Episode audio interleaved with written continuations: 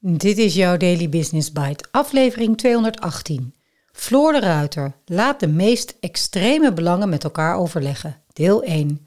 Door Hans van der Klis op managementboek.nl. Samenwerking tussen partijen die aan de ene kant uitspreken dat ze het heel graag willen, open, eerlijk, transparant, zeker een gemeenschappelijk belang hebben, maar ook eigen belangen, best grote belangen zeg maar. Bij zo'n proces ben ik als een van de teamcoaches betrokken.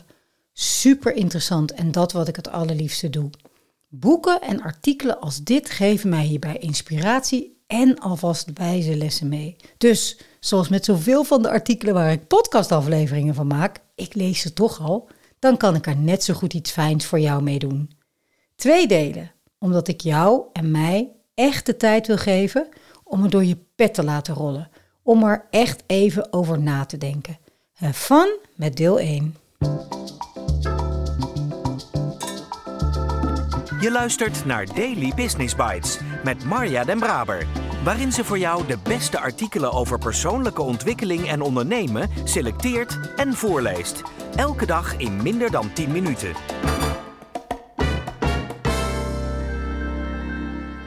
Met duizend boeren of 4000 inwoners van een wijk in gesprek om problemen op te lossen. Ja, dat kan.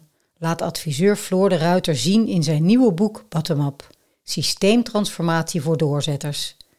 Wij zijn vaak geneigd inspraak te organiseren over een plan dat er al ligt. Maar dan is het eigenaarschap al verdwenen. Met verschillende cases laat u zien dat bottom-up systeemtransformatie een veelbelovende manier van werken is. Wat gebeurde er bijvoorbeeld bij Holland Casino? Wat waren de problemen? Wat deed u en wat was het resultaat?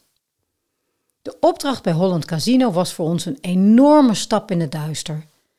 Er was aanvankelijk een ander bureau aan het werk. Er moesten duizend van de 4000 mensen uit. Dat ging op een klassieke manier, met spreadsheets en nieuwe functieomschrijvingen. Het zou drie jaar gaan duren. De medewerkers waren ongelooflijk boos. Zij vonden dat er niet naar hen geluisterd werd. Uiteindelijk accepteerden zij de reorganisatie niet en stonden ze op het jaarbeursplein in oranje hesjes te demonstreren. Toen kreeg ik van de directie de vraag of ik daar als communicatie-expert een eind aan zou kunnen maken.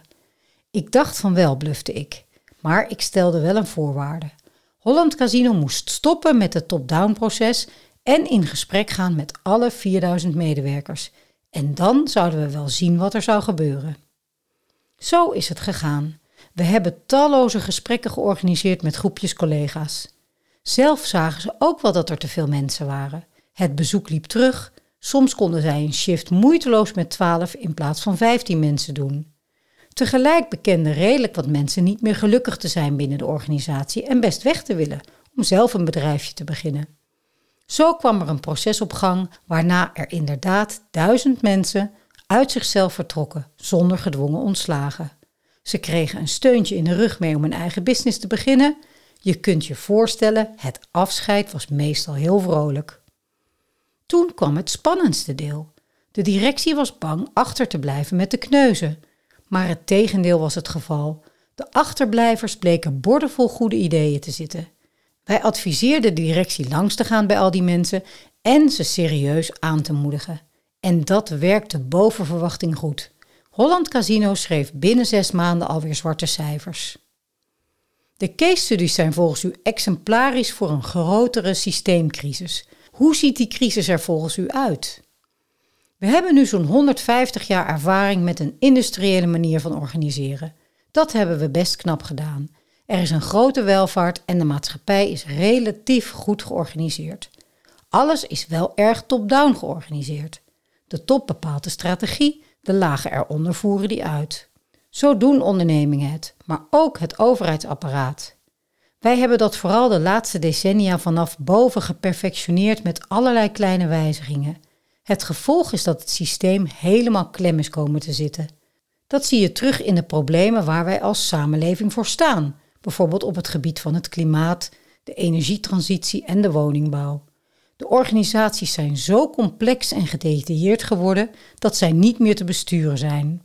Daar komt bij dat van alle informatie die aanwezig is in een organisatie slechts 4% de bestuurskamer bereikt. Besluiten worden op basis van die 4% genomen. Dat gaat heus wel eens goed, maar heel vaak niet. Om dit probleem het hoofd te bieden, moeten we op zoek naar de kennis die in de uitvoering zit, de inzichten van de mensen op de werkvloer. Die weten veel beter wat de problemen zijn en hoe we die kunnen oplossen. Uit uw verhalen blijkt dat mensen op de werkvloer vaak met radicalere oplossingen komen dan het management. Hoe kan dat? Fascinerend toch? De eerste keer dat dat tot mij doordrong was bij de kwekers van Royal Flora Holland. We waren al twee jaar bezig met het systeem van veilingtarieven.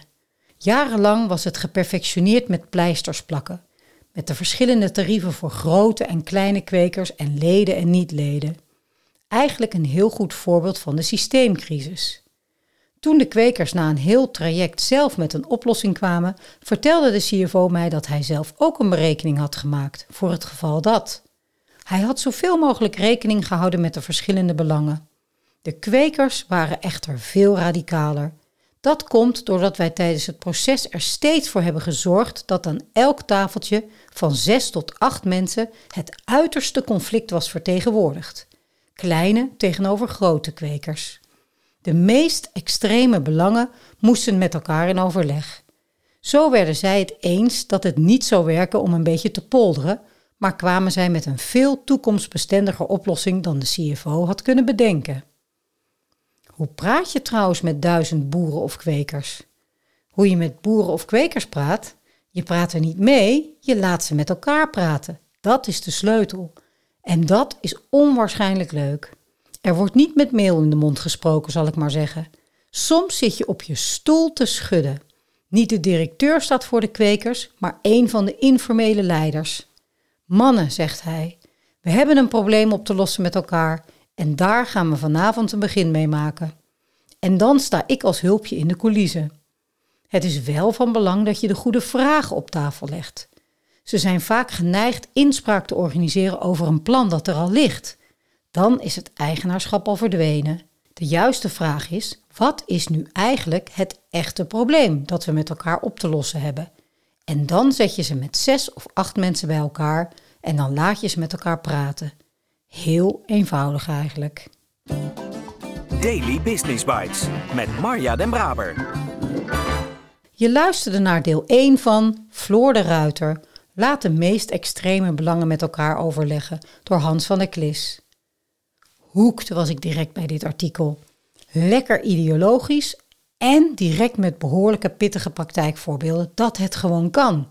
Zij het met enige bluf, maar hé, hey, dat is soms ook gewoon nodig. Ik hoop dat jij net zoveel haakjes hebt gehoord die je in jouw eigen team of bedrijf kan toepassen als ik. Wat ik voor nu meeneem voor een van mijn volgende sessies is in ieder geval al een paar dingen. Je praat er niet mee, maar je laat ze met elkaar praten. Dat is de sleutel. Die sleutel heb ik heel goed in mijn oren geknoopt en die ga ik waar dan ook toepassen.